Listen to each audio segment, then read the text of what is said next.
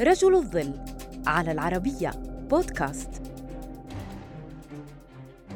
جندي طيار رجل أعمال ملاكم ومخترع. لكن أخطرها عمله خبيرا للتجسس وممثلا كبيرا للمخابرات البريطانية لنصف الكرة الغربي بأكمله خلال الحرب العالمية. فكان شخصا بعدة وجوه تعود كلها لرجل واحد. ويليام صامويل ستيفنسون. فما قصته؟ ولد ستيفنسون ويليام صامويل كلوستون في عام 1897 في كندا. ولأن والديه لم يكونا قادرين على تربيته فتبنته عائلة أيسلندية ومنحته كنية ستيفنسون.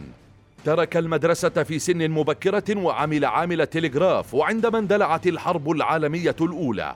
تطوع للخدمة في قوة المشاة الكندية ثم انتقل مع الجيش إلى إنجلترا حيث أصبح طيارا وملاكما في سلاح الطيران الملكي وسجل 12 انتصارا قبل أن يتم إسقاط طائرته في إحدى المهمات.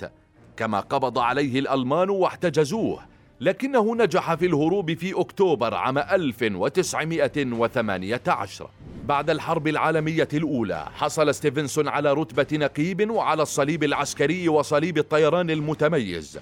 ثم انتقل إلى بريطانيا حيث أصبح صناعيا ومخترعا ناجحا. وحصل مع زميله جورج دبليو وولتون على براءة اختراع لنظام لنقل الصور الفوتوغرافية عبر اللاسلكي. بالإضافة إلى حقوق براءات اختراع عديدة فجنى ثروة جيدة. سمحت له بالانخراط في مجالات مختلفة كصناعة الصلب وصناعة السيارات وعالم الطيران. كما كان من الرعيل الأول من الذين عملوا في هيئة الإذاعة البريطانية بي بي سي. بنى ستيفنسون قاعدة واسعة من الاتصالات الصناعية بالعالم إضافة لسطوته في صناعة السينما حيث امتلك استوديوهات شيبرتون التي كانت الأكبر في العالم خارج هوليوود. في وقت مبكر من أبريل عام 1936 كان ستيفنسون يقدم طواعية معلومات سرية لعضو البرلمان البريطاني وينستون تشرشل حول كيفية قيام حكومة أدولف هتلر ببناء قواتها المسلحة وإخفاء النفقات العسكرية. رغم أن ذلك شكل انتهاكا واضحا لشروط معاهدة فرساي ويرفع حدة التهديد النازي المتزايد للأمن الأوروبي والدولي. مع بدء الحرب العالمية الثانية. أرسل وينستون تشرشل رئيس الوزراء ستيفنسون إلى الولايات المتحدة لتأسيس وإدارة التنسيق الأمني البريطاني. فتم تسجيل منظمة بي إس سي ككيان أجنبي وتم تعريفه آنذاك باسم مكتب مراقبة الجوازات البريطانية فكان مقرا تشغيليا للاتصالات بين منظمات الأمن والاستخبارات الأمريكية والبريطانية. أثرت المنظمة الجديدة بشكل مباشر على وسائل الإعلام الأمريكية والغربية تجاه وجهات النظر المؤيدة لبريطانيا والمناهضة لدول المحور. كما كانت مقرا لتدريب المشغلين السريين من الطرفين إضافة لمهمتها غير الرسمية بإنشاء شبكة استخبارات بريطانية سرية.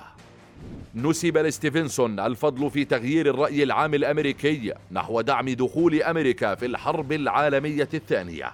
وكان يشتهر باسمه الرمزي للاستخبارات في زمن الحرب.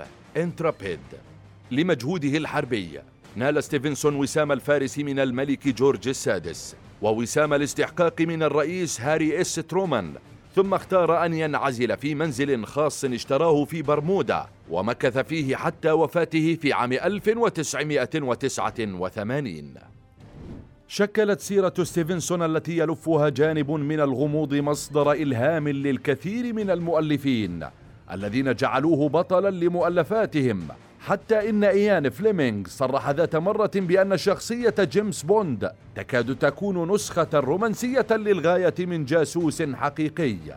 ثم أضاف هذا الشخص الحقيقي ويليام ستيفنسون.